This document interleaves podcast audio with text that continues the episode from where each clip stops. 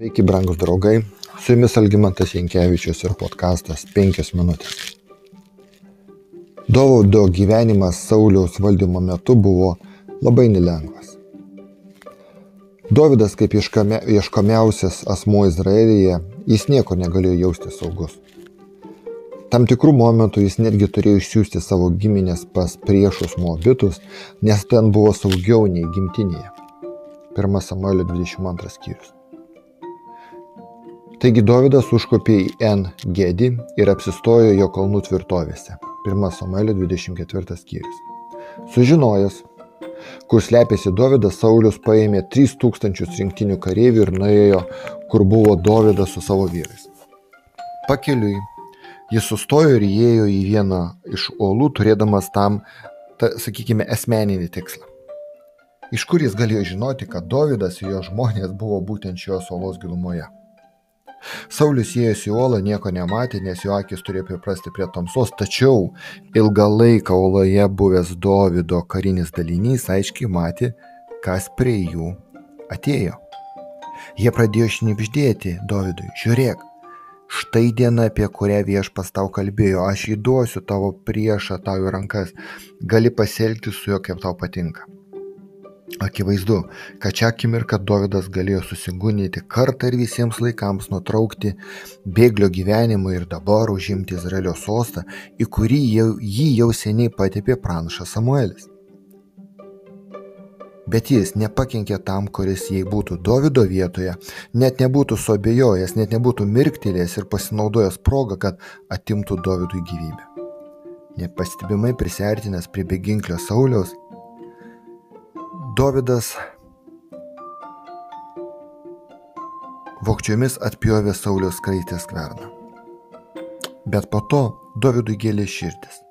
Kam jis nupjovė Sauliaus kraitės skverną? Tegu viešpats mane apsaugo, sakė jis savo vyrams, kad aš drįčiau padaryti tokį dalyką savo viešpačiui, viešpatės pateptajam, pakeldamas ranką prieš jį, juk jis viešpatės pateptasis. Tai žodžiais Dovydas markiai sudraudė savo vyrus ir Sauliaus užpulti jiems neleido. Saulius paliko uolą ir nuėjo savo keliu.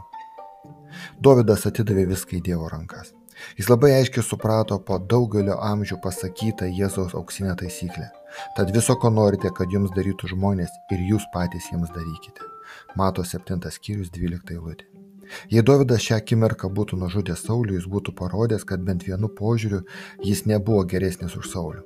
Tačiau Dovydas buvo taip artimai susijęs su Dievu, kad kai jo priešas buvo jo rankose, jis leido jam ramiai eiti, patikėdamas jį į Dievo rankas. Kai nieko neįtardamas Saulis išėjo į šviesą, Dovydas sekė iš jo los ir šaukė paskui jį, mano valdovė karaliau.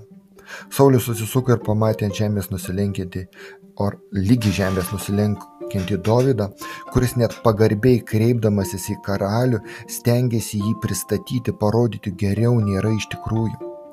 Jis sako, kodėl klausai žodžių žmonių, kurie sako, žiūrėk, Dovydas nori tau piktą padaryti. Iš tikrųjų, žmonės dažniau gerai kalbėjo apie Dovydą, taip pat Saulis bandė visus ir save įtikinti, kad Dovydas bando jį nužudyti. Toliau Dovydas sako, viešpa šiandien oloje buvo įdavęs tave man į rankas. Nors jei ragino tave už, užmušti, aš tavęs pasigailėjau. Žiūrėk man, žiūrėk mano tėvę. Gerai pasižiūrėk į savo skraistės skverną mano rankoje. Nes pjaudamas skverną nuo tavo skraistės aš tave neužmušiu. Tad gali tikrai žinoti ir matyti, kad mano rankose nėra nieko pikto ir maištinga. Aš nesu tau nusidėjęs, nors tu mane ir vėjėsi norėdamas užmušti. Te būna viešpas mūsų teisėjas, tegul jis pats tau atkeršė už mane, bet mano ranka nebus pakelta prieš tave.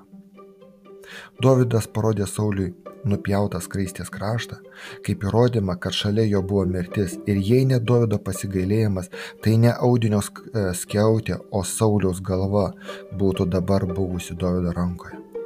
Kai Saulius pažvelgė į šį drabužio galą, jis turėjo atsiminti paskutinio sustikimo su pranašu Samueliu įvykius, kaip pats Saulius, ragindamas Samuelį neišvykti ir pagerbti jį po karo su malikiečiais, sugebėjo pranašo drabužių kraštą ir jo suplėšti. Ta akimirka Samuelis pasakė, dabar viešpats atplėšė nuo tavęs tavo karalystę ir atidavė ją savo e, geriausiam artimui. Akimirką Sauliaus širdis suminkštėjo, jis nebevaldė savo jausmus ir pravirko. Ne aš, bet tu teisus, tarė jis Dovydui, nes man atmokėjai gerumu, o aš tau mokėjau piktumu. Taip, kaip tu tik padarai, kaip kilniai ilgėsi su manimi.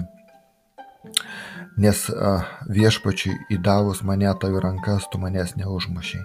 Tegu viešpas atlygina tau gerumu už tai, ką tu man šiandien padarėjai.